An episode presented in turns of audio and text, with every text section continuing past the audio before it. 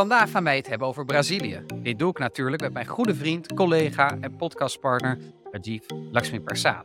Vandaag doen wij dat niet alleen met z'n tweeën, maar ook met Jelle van der Wal. Van harte welkom Jelle. En natuurlijk ga ik jou straks uitgebreid de mogelijkheid geven om je voor te stellen. Maar voordat ik dat doe, wil ik de luisteraar en ook de kijker oproepen zich te abonneren. Dat kan via alle kanalen. En als je daar toch al mee bezig bent, laat dan vooral even een beoordeling achter. Onze voorkeur gaat natuurlijk uit naar 5 sterren. Dan worden wij beter opgenomen in alle algoritmen. En het geeft ons ook de nodige motivatie om door te gaan. Hartelijk dank voor jullie hulp.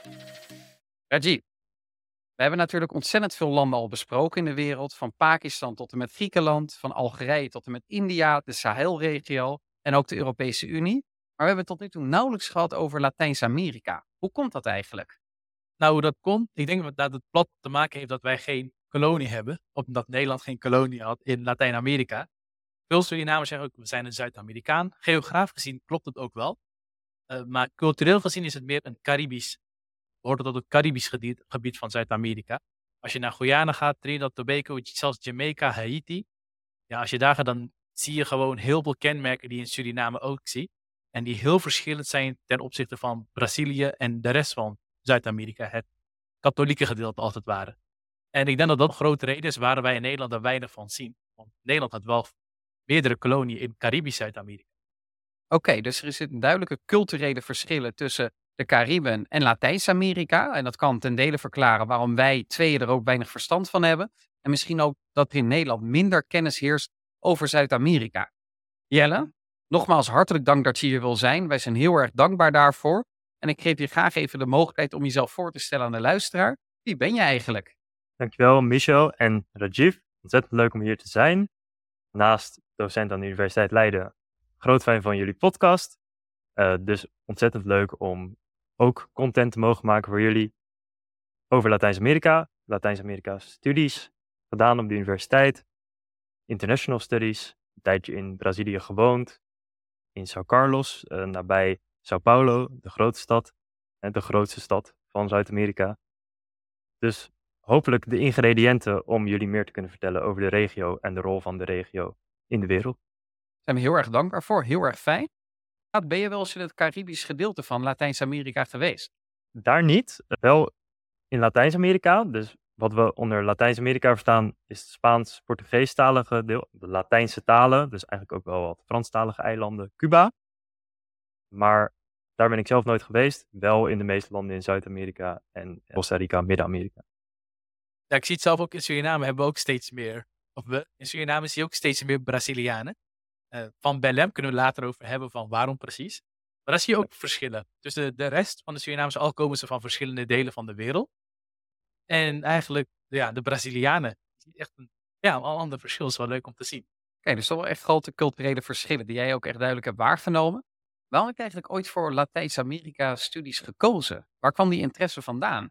Juist omdat er veel onbekend is over het continent. Dus dat wekt mijn interesse. Het is vergeleken met Verenigde Staten, Azië, veel minder ontdekt wat dat betreft. Maar wel een grote regio, een, een warme regio. Relatief makkelijke talen om te leren. Dat helpt om makkelijker door te dringen in de maatschappij daar. Dus dat zijn redenen waarom ik me gespecialiseerd heb in met name Portugees, Brazilië, maar de regio in brede zin. Oké. En Nederland heeft ook, dat heb je wel eh, in de voorbereiding op deze podcast verteld, een soort geschiedenis met Brazilië. En je wilde graag ons een liedje laten horen. Ja. Ik zal even het liedje afdraaien. O homem sério que contava dinheiro parou, paroleiro que contava vantagem parou, a namorada que contava as estrelas parou para vir da passagem. A moça triste que vivia calar. Nou, Jelle, wat hebben we eigenlijk uh, gehoord? Ja, we hebben geluisterd naar de artiest Chico Buarque de Hollanda. die in zijn naam G. Hollanda van Holland heeft. Dus uh, het is een afstammeling van een Nederlandse kapitein geweest. Geeft direct mooi de relatie tussen Nederland en Brazilië weer, die eigenlijk heel historisch is. Het is een nummer uit de jaren 70. En dan moet je nagaan dat in de jaren 70 Brazilië een dictatuur was. 21 jaar dictatuur geweest tot 1985. En deze muziek is eigenlijk protestmuziek. Dus het klinkt heel vrolijk. Het is een carnavalsnummer. Dat is ook precies de bedoeling. Dat is als het ware een vermomming om niet gecensureerd te worden. Dat is niet helemaal gelukt. Hij is wel het land uitgezet. Heeft muziek vanuit het buitenland gemaakt, nog steeds protestnummers. Maar het is dus een, een mooi historisch verhaal achter het nummer. En een symbolische relatie met Nederland. Want de relatie tussen Nederland en Brazilië is behoorlijk historisch. Dus naast een kolonie in Suriname en de Antillen had Nederland dus ook een kolonie in Brazilië. Ja, Brazilië is nooit in zijn geheel door Nederland gekoloniseerd, uiteraard. Maar Nederland heeft wel een rol gespeeld in het noordoosten van Brazilië, waar nu Pernambuco ligt en stuk daaromheen. Is daar eh, geweest, maar door de Portugezen weer eruit geschopt. En uh, heeft slaven en eigen bevolking en inheemse bevolking meegenomen richting de Antillen met name en in mindere mate Suriname. Dat is ook een van de redenen waarom de Antillen in het papiamento en de taal uh, nog steeds sterke elementen heeft van het Portugees. Ja. Dus ook daar zie je de, de vermenging van Nederland en Brazilië. En dat is denk ik het verschil dan met Suriname, want daar heb je ook lokale talen, het, het Creools. En dat is weer af, afgeleide, ver afgeleide van het Engels. Heeft het dus hiermee te maken. Ja. Wat ik me zo afvroeg, als je kijkt naar, naar Amerika, dan zie je dat het noordelijk gedeelte, dus boven Panama, als het ware, best wel ja, divers is, als ik het mag noemen, in wie de moederlanden waren. Je hebt Nederland, Frankrijk, Engeland. En dan heb je nog al die eilandjes waren verdeeld. Maar in Zuid-Amerika is het best wel in twee delen gesplitst. Het Spaans deel en het Portugees deel. Ja. Hoe is dat eigenlijk zo gegaan? In eh, 1494 heeft de toenmalige paus een kaart gepakt, voor zover dat bekend was uiteraard. En een, een lijn getrokken van noord naar zuid, dwars door Zuid-Amerika heen. zegt alles ten westen van de lijn is nu Spaans en alles ten oosten Portugees. Dat is het verdrag van Tordesillas. En zo is nu nog die lijn enigszins terug te zien. Dat is met de jaren uiteraard wel een beetje veranderd. En de Portugezen hebben wat gesmokkeld rond het Amazonegebied en de Spanjaarden weer in het zuiden. Dus zo zijn Brazilië en eigenlijk de rest van Latijns-Amerika. Want de Spanjaarden en de Portugezen die kregen ruzie met elkaar. En de paus had zoiets van, ja dat mag niet. Dit zijn mijn twee grootste katholieke vrienden als het ware.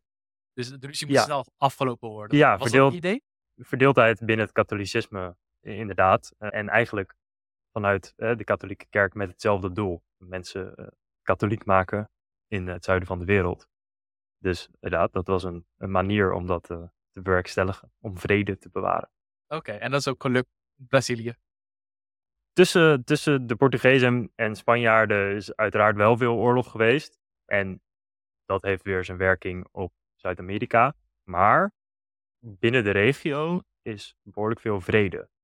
Vooral binnenlandse problemen, maar niet veel oorlog met andere landen eigenlijk. Ja. Oké, dus Latijns-Amerika is relatief vredelievend eh, continent als het gaat om interstatelijke oorlogen. Maar veel problemen spelen zich af in Brazilië of in de landen zelf, waaronder ook Brazilië. Nu is Rutte recentelijk op bezoek geweest in Brazilië. Kun jij ons meer vertellen over dat bezoek en wat dat eigenlijk betekent voor de positie van Brazilië in de wereldorde die we heden ten dagen kennen?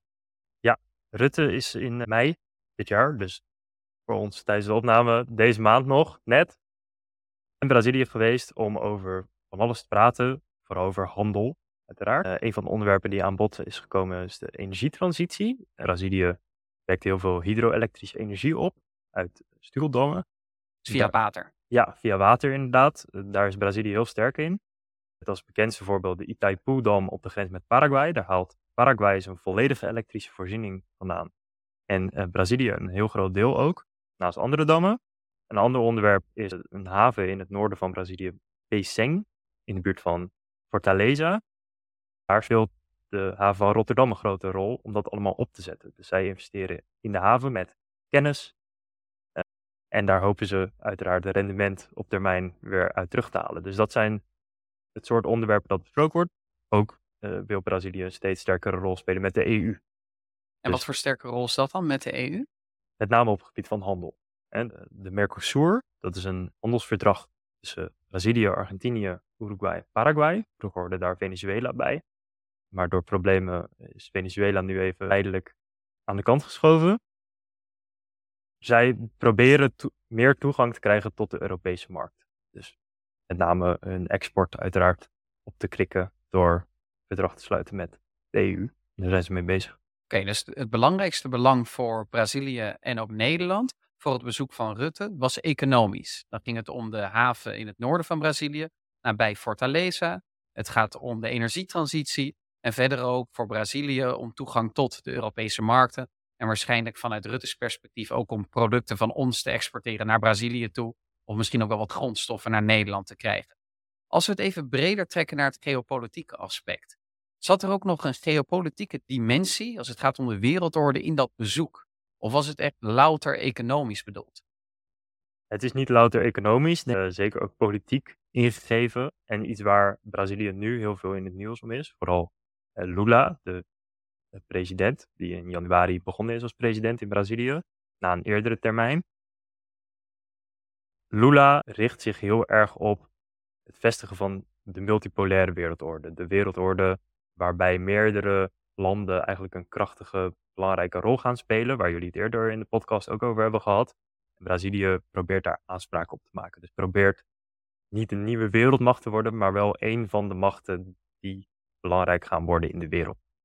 En in de actualiteit is het zo dat Brazilië heel erg uh, in het nieuws komt, als in uh, ze steunen nog Rusland, nog Oekraïne in de oorlog. En dat is een duidelijk signaal dat vanuit Lula afgegeven wordt, als in landen als Rusland, maar ook Saudi-Arabië, India, dat zijn de landen waar wij nu samen mee spelen op het wereldtoneel in een dergelijk conflict. En we kiezen nog de kant van het Westen, nog de kant van Rusland heel sterk, maar houden eigenlijk een neutrale positie. Lula die volgde natuurlijk in januari Bolsonaro op. En die werd wel eens in westerse en ook Nederlandse media geportretteerd als een rechtspopulist die erg dicht bij Trump stond. En we weten dat in het Trump-kamp toch wat minder kritiek is op Rusland en wat meer kritiek is op Oekraïne en de rol van het Westen. Maar we zien deze sentimenten dus ook terug bij Lula. Betekent dit dat bij beide partijen in Brazilië, en daar kun je later natuurlijk wat meer over vertellen over die partijen zelf, maar toch wel steun is voor die multipolaire wereldorde en een neutrale positie in de Russische oorlog in Oekraïne? Ja, uh, Bolsonaro was inderdaad heel erg op de hand van Trump specifiek, maar niet per se op de hand van de Verenigde Staten. Dus daar moet je een beetje een onderscheid in maken. Dan lijkt het alsof Bolsonaro heel erg op de hand is van de Verenigde Staten, maar dat is niet per se het geval. Net als Trump zou je kunnen zeggen, was Bolsonaro heel erg naar binnen gekeerd. Dus eigenlijk, wij moeten ons niet bemoeien met de rest van de wereld, we moeten eerst onze eigen zaakjes op orde krijgen. En een beetje een Brazil first idee. Lula denkt daar totaal anders over. Dus dat is een 360 graden draai. Lula wil heel graag een diplomatieke, belangrijke rol spelen in de wereld. De roept zich nu dus ook op als mediator in, in conflict, zoals Oekraïne-Rusland. Maar ook in handelsverdragen, samenwerking met zowel de Verenigde Staten als de EU als China. Werpt Lula zich heel sterk naar voren als een prominente partner. Ik denk dat Brazilië wilt laten zien dat zij inderdaad, wat je net aangaf, tot de landen behoren als een Saoedi-Arabië, als een India, die niet gedwongen kunnen worden om per se kant te kiezen. Ik denk dat Lula dat vooral wil laten zien. Van wij zijn, we hebben een eigen mening en wij staan ervoor. En wij zijn niet meer het land dat gedwongen kan worden om per se kant te kiezen. Zou dat ook een reden kunnen zijn als, om eigenlijk naar de wereld te laten zien van wij doen er ook toe. Uh, en het is niet alleen het Westen dat bepaalt. En wij als Brazilië zijn een soort van het stem van het Global South, van het zuiden. Dat vind ik wel interessant. Dus ik ga even inhaken hoor. Ja, inderdaad, want ze zijn natuurlijk ook onderdeel van de BRICS. Dat bestaat uit Brazilië, Rusland, India, China en uh, Zuid-Afrika. En dat zijn inderdaad de landen die, waarvan vaak wordt gezegd, die staan een multipolaire wereldorde voor. In hoeverre denk jij, dat Brazilië uiteindelijk in staat is om niet kant te kiezen? Bijvoorbeeld in het conflict Rusland-Oekraïne, maar ook wereldwijd in de geopolitieke competitie tussen China en Amerika? Ik denk dat het mogelijk is. Uh, dit zien we ook terug in de andere podcasts over India, Saudi-Arabië, Iran. Het is mogelijk om geen kant te kiezen. Het is, wel, het is alleen mogelijk als je in de toekomst wel bij elkaar komt. Dus de landen die geen kant willen kiezen, die graag multipolaire wereldorde willen, India, Rusland, China, Zuid-Afrika, Saudi-Arabië, Brazilië, die moeten op de een of andere manier wel elkaar kunnen dekken. Al kan het zoiets zijn van, als je sancties op één land oplegt, dan komt het bij ons allemaal. En dan gaan we ook met z'n allen gelijknamige sancties terugplaatsen. Als je dat niet doet, want natuurlijk, het Westen is niet één militaire actor, maar van alle verschillende delen in de wereld is het Westen, in, in mijn mening, wel het meest unitair daarvan. En dat zie je ook nu terug. Ze treden het meest als een eenheid op. En daar moet je wel iets tegenover hebben. Je moet op een of andere manier samenwerken. Ja, doe je dat? Dan is het wel mogelijk om in de toekomst een meer onafhankelijke buitenlandse koers te kunnen bepalen. En dus ook zo een Brazilië. Heldere analyse. Jelle, heb jij het idee dat Brazilië samen met die andere voorstanders van de multipolaire wereldorde voldoende overkoepelende doelstellingen heeft om tot elkaar te komen? Eerlijk gezegd denk ik van niet. En ik denk dat Lula er heel erg toe gedwongen is nu, vanwege de huidige situatie in Brazilië en voor een deel natuurlijk ook in de wereld, om die keuze te maken. In een eerder stadium, dat Lula ook president was, heeft hij veel meer uh, wel de kant van het Westen gekozen, zou je kunnen zeggen. Ondanks de BRICS, uh, opgezet onder andere door Lula in eerdere termijn. Ondanks dat heeft Lula uh, wel heel sterk dat overkoepelende willen organiseren van internationale toernooien, zoals de Olympische Spelen, het WK voetbal, wel heel erg gericht op het Westen. En langzamerhand is dat steeds meer naar China gekeerd, omdat China een steeds belangrijke handelspartner is geworden. Nu is het zo dat Lula veel minder steun heeft binnenlands van het electoraat dan in de eerdere termijn. En ook, denk ik, om de polarisatie tegen te gaan in het eigen land, probeert hij nu een, een wat andere diplomatieke tactiek. Misschien ook om een stukje van het electoraat van Bolsonaro toch meer naar zich toe te trekken. Bewijzen dat hij niet heel. Dat, dat hij anders is dan Bolsonaro en een, een andere insteek heeft dan in zijn eerdere, eerdere termijn. Oké, dus Lula die moet eigenlijk ervoor zorgen dat hij een electoraat aan zich bindt. Hij is minder stabiel, heeft een minder stabiele steun in Brazilië dan in zijn eerdere termijn. En op dit moment zie je daar dus ook de geopolitieke uh, weerspiegeling van terug. Dat hij zich niet uitgesproken voorstander uh, kan tonen van het Westen. En dat hij daarmee een ander electoraat ook kan bedienen, namelijk een deel van het Bolsonaro-electoraat. Dus heb je het idee dat het meer een weerspiegeling is van nationale belangen? Uh, of heb je ook het idee dat Brazilië echt zelf meer die multipolaire wereldorde voorstaat en zich af en toe wat wil afkeren van het Westen? Ja, het is nationalisme. Dat is waarmee hij het electoraat van Bolsonaro probeert te, te verkrijgen eigenlijk. Maar het is in die zin ook in het regimebelang, meer dan in het landsbelang. Waarschijnlijk. Dat kan natuurlijk in de toekomst veranderen. En het is wat dat betreft een beetje misschien een uh, verwachting van hoe de wereld er op termijn uit gaat zien. En het is misschien voorsorteren op een wereld waarin China een prominentere rol gaat spelen dan de Verenigde Staten. Of dat een goede inschatting is, is natuurlijk eh, een tweede. Is een andere vraag. Dus eigenlijk anticiperen op meerdere scenario's die zich kunnen voltrekken. En natuurlijk, de multipolaire wereldorde of hoe jij je verhoudt tot de, tot de wereldorde op zichzelf, is ingegeven door belangen, nationale belangen. Rajiv heeft er vaak ook over uitgeweid. Uh, ik zelf ook wel eens. Wat zijn, als jij dat even grofweg kunt schetsen, de belangrijkste belangen van Brazilië in de wereld? geopolitiek gezien en economisch gezien. Brazilië is, eh, is niet heel afhankelijk van de wereld. In, ieder geval niet zo afhankelijk als een halve eeuw pakweg uh, geleden waren. Je moet zo zien, in 1955 ongeveer was 60% van de export van Brazilië was koffie. Dus extreem afhankelijk van bijna monocultuur. Zoals heel veel landen in Latijns-Amerika dat waren. Dat is totaal gedraaid. Dus er is een, een beleid geweest waarin je uh, wordt substitueerd. Dus dat wil zeggen, je gaat eigen industrieën promoten, investeren in eigen productie en diversificeren van die productie. En dat hebben ze eigenlijk heel succesvol gedaan. Ik denk ook succesvoller dan heel veel andere landen in Latijns-Amerika. En daarmee zijn ze in feite ook wat onafhankelijker geworden nu willen ze eigenlijk die volgende stap maken naar een rol spelen in de wereld. Dus eh, buiten de regio, en daar kunnen we het zo nog over hebben, willen ze ook toch wel op het wereldpodium een rol gaan spelen. En dat is wat ze nu trachten te doen. Ik denk dat ze wel succesvol daarin zijn hoor. Want ik ging na aanleiding van de podcast wat voorbereidingen, ja, kennis opdoen. En ik zag zelfs dat ze een space-programma, een eigen ruimtevaartindustrie hebben. Ook een vliegtuigindustrie, wist ik niet. De Embraer, of Embraer. Embraer. ja. Embraer. Ik of ik het goed uitspreek, maar dat ook best wel goed uitzag. En ik denk dat Brazilië in eh, dit opzicht best wel een voorbeeld kan zijn voor de rest van de Global South, als we dat zo kunnen noemen. Dus van India, maar ook delen van Afrika. Dat dat toch wel in staat is om tot op zekere hoogte eigen industrie te promoten. Want ik denk dat als ik naar YouTube kijk, naar leiders van Afrika, dat zij hetzelfde zeggen van wij zijn een soort van gedwongen vanuit de geschiedenis om onze hele economie te baseren op het creëren van exportproducten voor wat Europese en Amerikaanse consumenten willen.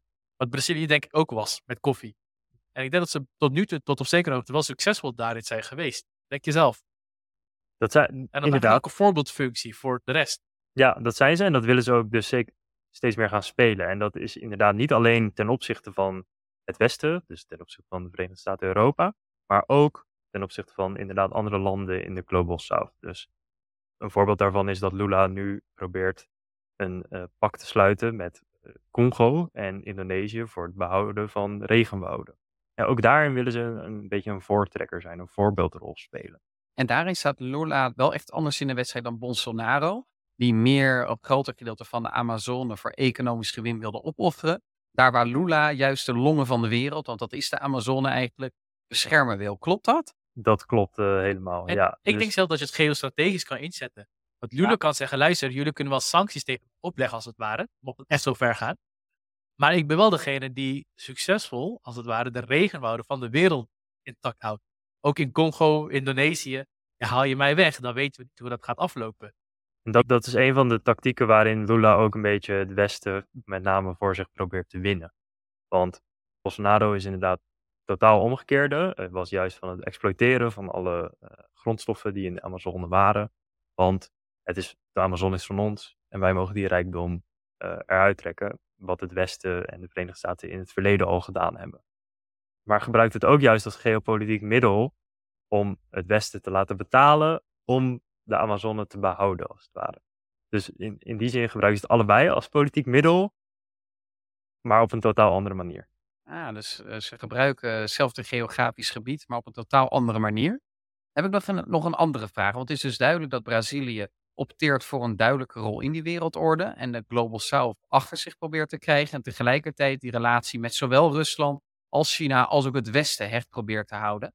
Wat is het hoogst haalbare, wat jou betreft, voor Brazilië in die wereldorde? Is dat onderdeel worden van de P5 binnen de VN-veiligheidsraad? Dus dat zijn de vijf permanente eh, leden: China, Rusland, Verenigde Staten, Frankrijk en het Verenigd Koninkrijk. Dat ze daar een, een permanente zetel kunnen vergaren. Of ligt er nog meer in het verschiet in die wereldorde voor Brazilië? De VN-veiligheidsraad is iets waar ze absoluut voor opteren. Dus dat zouden ze heel graag willen. En dat geeft natuurlijk vetorecht. Dat geeft eh, toch wel heel veel macht in de wereld. Dus dat, dat is iets waar ze absoluut naartoe willen werken. En dat is wellicht, als ze een, een bepaalde ontwikkeling nog verder doormaken, want ze hebben een best wel economische dip gehad sinds ongeveer 2016. Als ze daar weer bovenop komen, dan ligt er wellicht meer in het verschiet wat betreft ook een grotere rol in de wereld, economisch en daarna ook politiek. Echter zou je kunnen stellen dat Brazilië toch wel, vergeleken met andere opkomende economieën zoals China en India, een kleinere rol speelt. Dus hoe realistisch het is dat ze nog meer dan dat bereiken in, laten we zeggen, de komende 50 jaar, eh, dat wordt wel lastig. Ik denk zelf dat het wel een beetje onvermijdelijk is op een gegeven moment. Tuurlijk, de bevolking doet er niet alleen toe.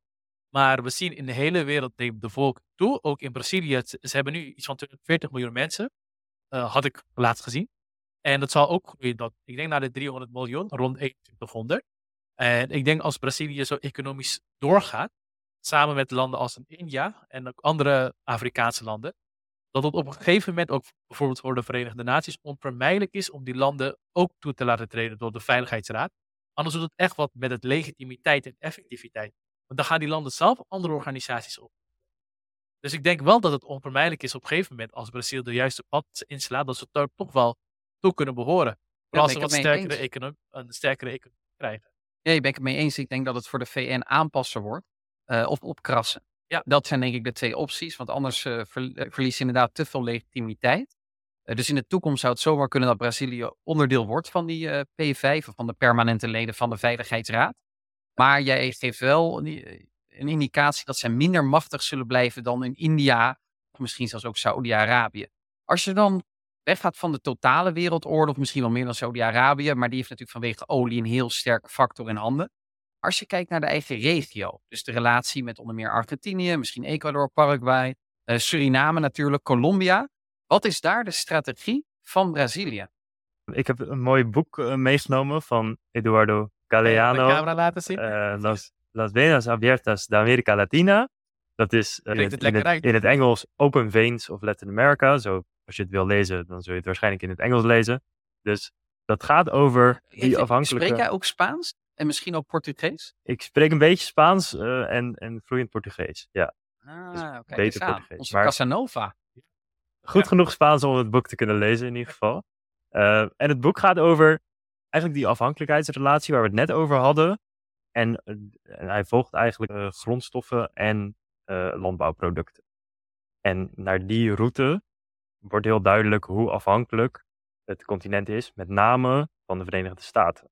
Maar op het eind van het boek uh, gaat hij toch wel in op dat Brazilië misschien in de regio ook wel een beetje de rol van hegemonie, die de Verenigde Staten in de, de afgelopen eeuw in ieder geval heeft gespeeld in de regio, zou kunnen gaan spelen. Dus dat Brazilië meer de touwtjes in de handen krijgt, juist in de andere landen van Latijns-Amerika.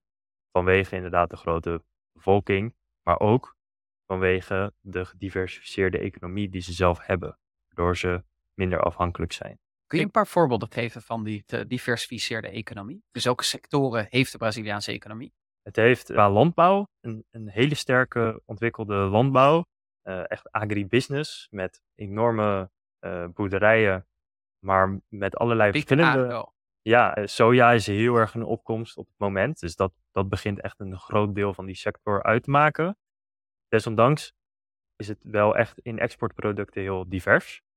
De autosector en vliegtuigsector werd net al even genoemd door Rajiv. Dat, is, dat zijn sectoren waar Brazilië heel sterk in is geworden. Dus ook dat technische aspect. Maar verreweg, de meeste mensen in Brazilië werken ook in de dienstensector. En dus echt wel een teken over het algemeen van ontwikkeling. Dus wat dat betreft, het is een minder inkomensland. Dus het zit wat betreft sectoren ook echt wel meer naar het voorbeeld van de rijkere landen in de wereld. Ik denk ook dat Brazilië, als ik kijk naar Zuid-Amerika en algemeen, maar Brazilië een beetje het stille kind is in de klas dat zonder al te veel bombardie zich wel ontwikkelt. Want als je, Brazilië is, als je kijkt naar de gemiddelde inkomens, niet zo heel arm. Tuurlijk, je hebt arme delen in Brazilië. Maar het gemiddelde inkomen is best wel relatief midden. En vooral als je de afgelopen 50 jaar de ontwikkeling die ze hebben meegemaakt. En als ze dit 50 jaar zo doorzetten, ik denk dat ze heel ver komen. Wat mij interessant lijkt, is je gaf net aan, Brazilië probeert meer invloed te krijgen over de rest van Latijns-Amerika. Misschien ook Caribisch Zuid-Amerika. Maar daarvoor heb je wel connectiviteit met die landen nodig. Dus je moet veel met ze handelen, snelwegen naar die gebieden bouwen, vliegvelden, dat het gewoon goedkoop is om daar naartoe te gaan. Maar aan de andere kant zeggen we vaak op, wordt er gezegd dat Brazilië een eiland is. Met een, echt een oceaan met water aan de rechterkant en aan de linkerkant een oceaan van groen. En hoe zie je dat voor je? Dat aan de ene kant is Brazil een groot eiland.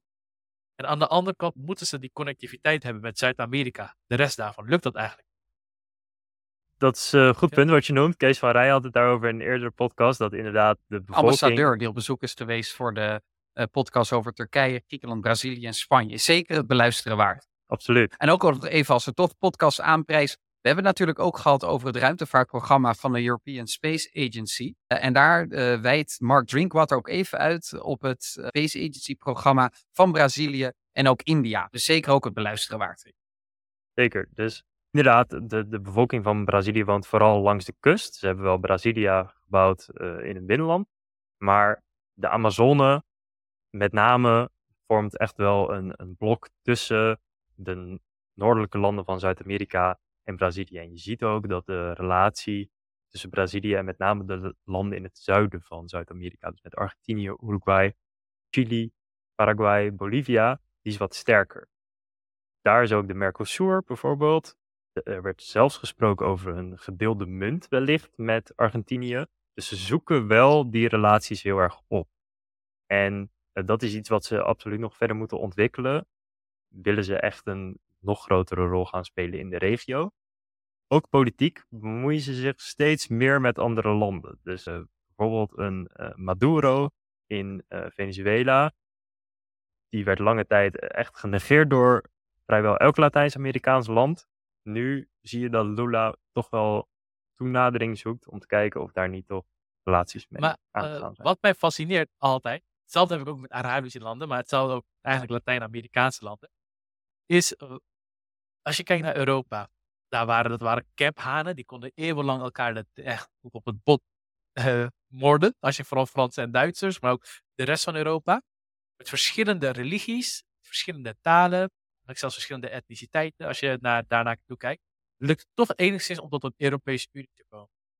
Waarom lukt het een Zuid-Amerika niet, om tot nu toe dan, om datzelfde tempo aan te halen? Ze hebben een relatief dezelfde religie, katholicisme, dezelfde moedertalen. Latijn vanuit het Spaans en het Portugees, maar het lijkt denk ik veel op elkaar. Eh, qua etniciteit zal het misschien ook al te veel verschillen. Geografie, ja, Europa heb je ook een geografische diversiteit, maar alsnog lukt het ons. Ja, wat denk jij dat het is dat het tegenhoudt? Waarom lukt het maar niet? Sneller bij elkaar te komen. Dat is denk ik vooral de politieke en economische instabiliteit van de landen aan zich. Dus de aparte landen kunnen moeilijk een unie vormen. En daar zijn wel absoluut pogingen toe gedaan. Maar het is toch lastig, omdat landen heel vaak problemen hebben in het binnenland met regimes. Dus eh, als, als je te maken hebt met dictatuur uh, tegenover democratie en dat wisselt, dan is het heel lastig om die landen te verenigen. En wat die landen absoluut willen voorkomen is oorlog onderling. Dus Zodra Venezuela bijvoorbeeld in de problemen kwam, zag je eigenlijk dat alle landen zich terugtrokken. Venezuela wordt eh, geweerd uit de unies die er bestaan en de handelsverdragen. Maar ingrijpen was absoluut geen optie voor geen van de landen. Dus dan wordt er dus toch gekeken naar de Verenigde Staten. Dus iedereen was vrij isolationistisch in Latijns-Amerika. En toch wordt er weer naar de Verenigde Staten gekeken. Rajiv die stelde het eigenlijk een cruciale vraag. Je moet namelijk, wil jij meer macht uitoefenen over jouw regio, dan zul je de verbondenheid, de handelsverbondenheid met de eigen regio moeten versterken. En dat lukt maar beperkt. En veel landen eindigen daarom best wel een soort isolationistische politiek, dus op zichzelf gericht. In hoeverre denk je dat dit ook ligt, of, uh, aan de uh, geografie? Is het wel mogelijk voor de uh, Latijns-Amerikaanse landen om elkaars grootste handelspartner te zijn? En in hoeverre is dat nu al het geval? Is bijvoorbeeld Brazilië de grootste handelspartner van landen als Chili, Argentinië, Uruguay en Paraguay. Ja, voor een deel is dat wel zo, waar je kijkt naar landen als Argentinië en Uruguay, maar voor een heel groot deel ook niet. Eigenlijk de hele westkust van Zuid-Amerika is veel meer gefocust deze dagen op China. En Midden-Amerika en de Caraïben veel meer op de Verenigde Staten. Dus Brazilië speelt een rol. Het zal altijd in de top zoveel staan van al die landen qua handelspartner. Maar uh, geografie speelt daar absoluut ook een rol in, in die belemmeringen. Vooral via land, maar ook wel in mindere mate via zee. Alhoewel het Panama-kanaal natuurlijk een, doortocht uh, biedt, is het, het zuiden van het continent wel heel moeilijk te bevaren. En denk je dat dit ook dan een natuurlijke plafond legt aan de invloed die Brazilië kan uitoefenen in de eigen regio? Deels wel, omdat je, uh, het, het continent is zo groot voor relatief weinig inwoner want uh, dat heeft het continent. Hè. De meeste landen zijn vrij dun bevolkt. Ook Brazilië is eigenlijk extreem dun bevolkt. Want 230, 40 miljoen klinkt heel veel. Maar voor een land zo uitgespreid als Brazilië, groter dan Europa in ja. oppervlakte, hè, Rusland uiteraard niet meegerekend, is dat eigenlijk heel weinig als je erover nadenkt. En dat zal wel toenemen, maar niet zo snel als in landen als India of uh, laat staan Nigeria. Dus die bevolking die stagneert langzaam. Die is heel erg toegenomen in de laatste 100 jaar. Maar dat is nu langzaam aan het normaliseren. En de verwachting is dat het eigenlijk een, nou ja, nog wel een stukje toeneemt. Maar dat dat wel rond de 500 miljoen inwoners voor het hele continent stagneert eigenlijk. Ik denk dat het ook de focus kan. Ik vind het goed dat Brazilië een importsubstitutie heeft gedaan. Inderdaad, het maakt je wat onafhankelijker. Tegelijkertijd haalt het ook, denk ik, denk ik hoor, wat meer de noodzaak werd om met anderen te handelen. Want als je naar Brazilië kijkt, ze hebben echt alles qua natuurlijke hulpbronnen. Qua technische industrie proberen ze daar ook al heel veel op in te halen. Ja, dus waarom moet je dan handelen met een Bolivia of met een Peru? Dat kan één zijn. En twee, we hadden het net al over, Brazilië wil graag een onafhankelijker buitenlands beleid. Ja, dat kan alleen naar mijn mening als je als landen samen optrekt. Maar, en ik denk dat dat het vooral is waarom denk ik in Europa wat verder in het proces zit dan Zuid-Amerika, maar ook de rest van de wereld. Je moet denk ik ook een opofferingsgezindheid hebben voor elkaar. Ook niet dan gelijk betekent we gaan voor jou vechten. Maar alles het economisch opofferingsgezindheid. Bijvoorbeeld in Nederland zijn wij bereid om, zelfs voor een land als Oekraïne, wat niet eens in de EU zit, onze economische groei te laten verzwakken. Sterker nog, we hebben een hoog, hoogste inflatie gehad. Dat is een offer die wij hebben gebracht. Zie jij zelf ook dat de Braziliaanse elite, dus de politieke besluitvormers, ook bereid zijn tot het eh, maken van offers om samen met anderen op te trekken en om zo een onafhankelijke koers te bewaren? Of blijft het vooral bij woorden? En als het echt bij offers aankomt, dat ze dan ja, laten liggen? Zoals je aangaf bij Venezuela blijkbaar. Ja, dus dat is een voorbeeld waar de elite duidelijk heeft laten schieten, wat dat betreft. En de elite, uh, als je het heel plat bekijkt, uh, heeft al, is al niet bereid om offers te brengen aan de eigen bevolking, om meer gelijkheid te creëren. Dus het is lastig om uh, je in te leven en sympathie te hebben voor een ander land, zou je kunnen zeggen. Dus die, die verhoudingen zijn wat lastig. Ik denk dat ze toch vooral kijken naar eigen gewin. Dus echt die belangen inderdaad, die toch weer steeds terugkomen. Brazilië en de Braziliaanse elite, zou je kunnen zeggen, die het land dan besturen, uh, zijn wel bereid om bijvoorbeeld namens de VN een sterkere rol te gaan spelen in bepaalde conflicten, in rampgebieden. In Haiti bijvoorbeeld hebben ze wel een vrij sterke rol gespeeld om te helpen hè, ten tijde van de, van de ramp.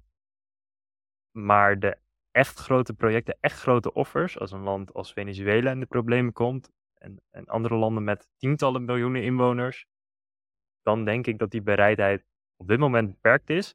En ook daar zoeken ze dan toch weer die neutraliteit op. Dus net als in een conflict met Oekraïne en Rusland, is, het, is de retoriek altijd: wij zijn neutraal, wij willen geen oorlog en we zijn een vredelievend land. En als iedereen dat zegt, dan wordt er nooit in. Ik had gewoon vragen uit interesse. Ik weet niet of jij het ook weet. Brazil zegt, of Lula zegt dat ze neutraal zijn in het conflict. Maar doen ze dan ook niet mee met de sancties? Of doen zij mee bij de sancties, maar zeggen ze, we willen ons voor de rest neutraal opstellen? Want bij India weet ik toevallig dat zij ook echt niet meedoen met de sancties. Vandaar dat, ze, dat er steeds druk op India komt te liggen om mee te doen. Maar hoe is het bij Brazilië? Volgens mij is het zo dat ook Brazilië niet meedoet in de sancties. Nee, wanneer het gaat over de sancties naar Rusland toe en de internationale gemeenschap die daaraan meedoet, dan gaat het de facto eigenlijk alleen over Canada, Amerika, Europa, de EU, Japan en Australië en Nieuw-Zeeland. Dat, dat is de internationale gemeenschap. Alle andere landen wereldwijd doen niet mee, inclusief Turkije, India, Saudi-Arabië, Brazilië. Allemaal landen die eigenlijk opteren voor die multipolaire wereldorde, en dat zijn er een hoop, doen niet mee. En ik denk dat het uh, inderdaad ontbeert aan opofferingsgezindheid voor elkaar maar ook een groter politiek ideaal waarvoor je mogelijk offers wil brengen. Want uh, Lula geeft aan, wij zijn een vredelievend land. Maar dan denk ik, ja, eigenlijk Europa is ook een vredelievend continent. Ik denk dat Nederland zichzelf ook beschouwt als vredelievend land. Ik zelf doe dat in een bepaalde mate ook wel. Maar ik vind dat onvoldoende om landen achter je te krijgen. Heb jij het idee dat Lula op Brazilië met een groter verhaal zou kunnen komen, waarmee zij andere landen die voorstander zijn van die multipolaire wereldorde achter zich te krijgen. Ja, wellicht is het zo dat als uh, Lula zich beter identificeert met andere uh, leiders, dat dan de bereidheid om te helpen wel sterker zou kunnen zijn. Dus het verhaal, en dan zou je kunnen zeggen, Lula is toch meer een centrum-linkse politicus. Dat komt wel met golven. Dus je hebt wat ze noemen de pink tide. dat is een, een, als ware een roze golf of getij, letterlijk vertaald. Dat is rond iets na 2000 is dat voor het eerst gekomen. Dus dan heb je een linkse golf over de hele, over de hele Latijns-Amerikaanse regio. En dat is ook het moment dat de unies en dat de, de samenwerkingen het sterkst waren. En dan zie je toch, omdat de politieke voorkeur van de leiders internationaal dezelfde kant op staat, de neuzen dezelfde kant op staan, dat je dan wel meer die bereidheid ziet. En nu zou je kunnen zeggen dat er een tweede Tide gaande is met een, linkse leider uh, in Chili, in Colombia, in Mexico, Venezuela dat nu wat gematigder aan het worden is, uh, want dat was eigenlijk extreem links. Dus uh, Bolivia blijft eh, links zoals het was. Die, hebben, die zijn niet van die tijd afgekomen. Dus dat zou wel kunnen leiden tot echt een meer sterke rol van Brazilië om wellicht ook dat te steunen. Oké, Ja, wat, dus- oh, sorry, wat ik zelf dacht is, als je naar het verleden kijkt, vanaf 2000, vond ik bijvoorbeeld, ik denk ook de rest van de wereld, dat eigenlijk Venezuela echt de leiderschapsrol had in Zuid-Amerika. De hoogtijdagen van Hugo Chavez, iedereen keek naar, dus Venezuela, zij hadden ook, zij offerden zich ook op. Ik kan me herinneren, ik ben even de naam kwijt, maar Zuid-Amerikaanse landen konden olie kopen bij Venezuela voor goedkopere tarieven, als het tot de regio mocht. Nou, dat soort zaken. En ook toen Hugo Chavez was overleden, zij dacht ik ook Kirchner, als ik het goed uitspreek, de president van eh, Ar- Argentinië. Die zei niet alleen de president van Venezuela is overleden, maar ook de president van Zuid-Amerika. Maar zo'n beeld moet Brazilië denk ik ook creëren. Denk ik. Hugo Chavez Ja. was heel erg openlijk eh, anti-Amerikaans, anti-VS. En vanuit dat sentiment denk ik heel erg gericht op de identiteit van de Latino. Dus het idee, wij hebben ze niet nodig. Maar hij was daarin wel een beetje een eindselganger. Dus hij was eh, daarin wel extremer dan de andere meer gematigd linkse presidenten. Misschien wel samen met een aantal, zoals Evo Morales van Bolivia. Maar Hugo Chavez is wel een beetje een geval apart. Oké, en dan, dus van na 2000 is het logisch eigenlijk dat er een soort roze getij kan komen. Dus dat er echt duidelijk meer een, een linkse golf is, linkse leiders aan de macht. Waarom is dat logisch? Omdat de Sovjet-Unie ineen is geklapt. Dus er was minder belang bij Amerika om in Midden- en Zuid-Amerika in te grijpen. Wanneer er dreigt een linkse leider aan de macht te komen en alle communistische angsten op geld doen in de, in Amerikaanse elite. Dus het is in die zin begrijpelijk. En ook wel begrijpelijk dat er in bepaalde Latijns-Amerikaanse landen daarom, door het ingrijpen in het verleden in de jaren 60, 70 en 80, anti-Amerikaanse sentimenten zijn ontstaan. En dat het ook wel heeft geleid tot rechtse dictaturen op het Latijnse subcontinent, op het volledig continent eigenlijk. En dat duidt ook wel op ongelijkheid in de samenleving. Want dat gaat vaak gepaard met wat meer rechtsgezinde politieke eh, regimes. Hoe zit het met die ongelijkheid in Brazilië?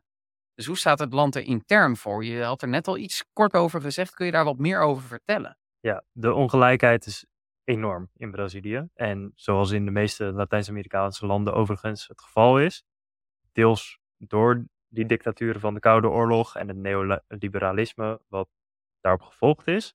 Dus een, een extreem ongelijke maatschappij.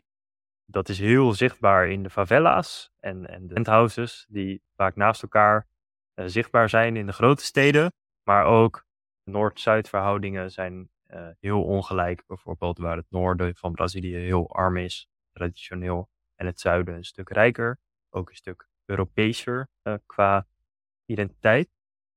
En dus die, die ongelijkheid is, is enorm. En Lula heeft daar best een hoop aan gedaan in zijn eerste termijn. En eh, met zijn partij, eh, daarna is ook nog eh, Dilma Rousseff president geweest, ook namens dezelfde partij die Lula zelf opgericht heeft. Hebben zij echt wel flink een, een gat weten te slaan in, in ongelijkheid en gezorgd dat het een stuk gelijker werd. Maar Bolsonaro heeft dat weer redelijk omgedraaid en de economische crisis en de pandemie daarbovenop hebben ertoe geleid dat Brazilië weer een stuk ongelijker is geworden. En nu is de vraag of Lula daar weer verandering in kan brengen en toch eh, wat Ja, want ik gelijker had kan eh, ook twee vragen. Uit interesse. Heb je zelf ook favelas, je bent vaak naar Brazilië geweest, of je ook favelas hebt bezocht en hoe dat eruit ziet? En eh tweede vraag, je gaf aan dat Lula veel voor de armen deed. Ik kan me herinneren dat hij een programma had ingevoerd dat heet Bolsa Familia. Ik denk niet grote familie, als het goed vertaal. Het betekent familiebeur. Oh, de familiebeurs. Ja. Oh, Borsa Familia. In ieder geval, en dat was een hele set aan sociale, eh, zelfs een basisinkomen zat erin. En allerlei andere basisvoorzieningen. Bestaat dat ook nog? Of is dat tijdens eh, Bolsonaro weggegaan? Voor een Dat- groot deel. Dat bestaat nog. Eh, om, om met je tweede vraag te beginnen. Dus de Bosse Familia is inderdaad een sociaal programma dat Bolsonaro, of, sorry, Lula opgezet heeft. Bolsonaro absoluut niet. Eh, Lula heeft het opgezet. En het idee daarvan is, eh, je krijgt eh, geld, maar dat is conditioneel. Dus je krijgt het op bepaalde voorwaarden. Nou, een van die voorwaarden is dat je kinderen bijvoorbeeld naar school moeten gaan. Of dat je je af en toe laat checken door een dokter. Daarmee trek je in één keer ook heel veel mensen in de economie. Want iedereen die Bosse familie ontvangt, heeft een bankrekening nodig. Dus dat zijn het soort maatregelen waardoor de ongelijkheid heel erg is verminderd ook. En uh, Bosse Familia wordt altijd uitgekeerd aan de moeders van de gezinnen. En dus enorm veel Brazilianen hebben daar gebruik van gemaakt. En dat wordt door de rechtse oppositie, Bolsonaro, ook gezien als een manier om stemmen te kopen. Dus dat is meteen ook de kritiek.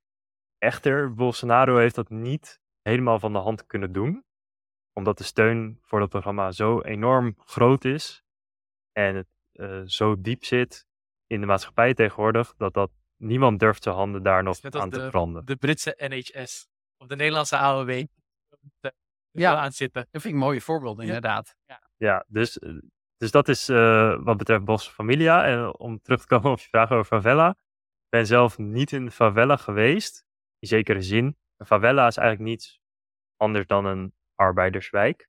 Dus in die zin ben ik wel in favela geweest.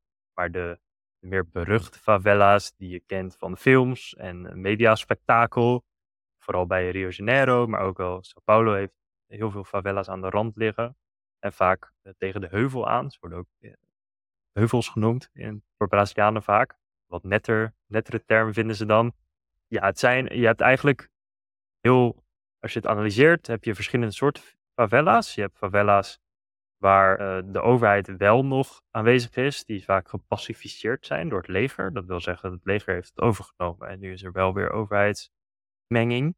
Je hebt favelas die worden gerund door milities, dus dat zijn vaak drugsbendes. En als dat er één is in een bepaalde favela, dan is er over het algemeen niet zoveel aan de hand voor degenen die daar wonen. Dan is het uh, zaak om vooral niet bezig te houden met drugshandel. Ja, je moet vooral geen drugs uh, verkopen als je niet bij de bende hoort. Dan is er niet zoveel aan de hand. En dan mag, ze kennen je en je mag de wijk in en uit en gewoon uh, je leven leiden. En de laatste vorm is waar geen monopolie is.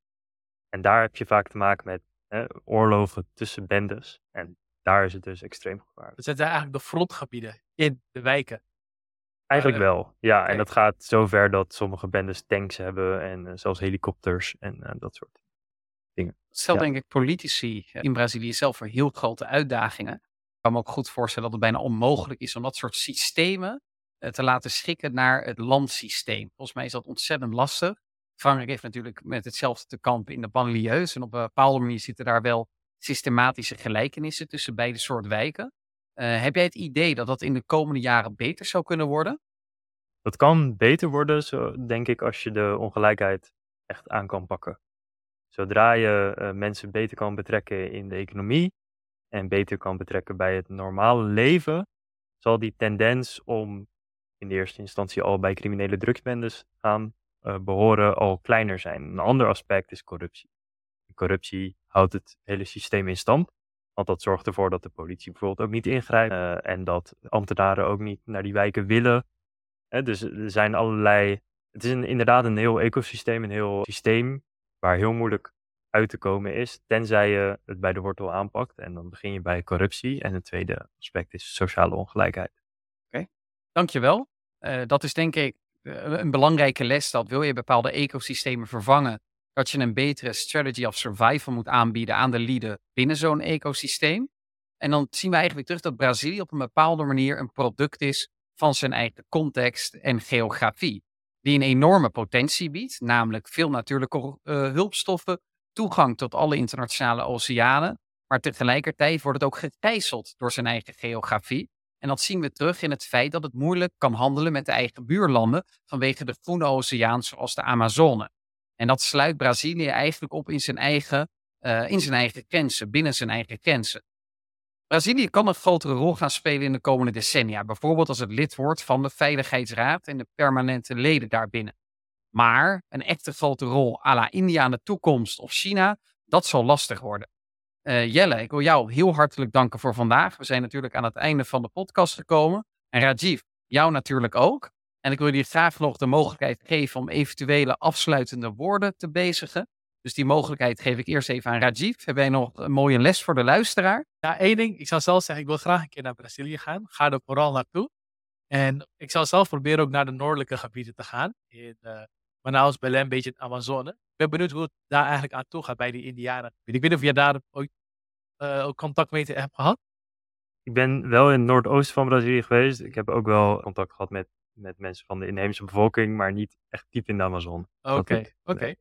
Nou leuk, dus Brazilië die gaat ooit naar, over Rajit gaat ook naar Brazilië toe. En roept onze luisteraars ook op datzelfde te doen. Jelle, nog een afsluitende les van jouw kant? Nou, ik hoop eh, dat iedereen probeer eh, wat meer het nieuws ook te volgen omtrent Brazilië en Zuid-Amerika. Want het is een enorm interessante regio, behalve eh, op vakantie gaan, want dat is ook zeer aan te raden. En ik hoop eh, dat jullie daarmee ook wat meer eh, afscheid nemen van jullie ongeïnformeerde zelven. Uitstekend. Dankjewel. Dankjewel voor het luisteren.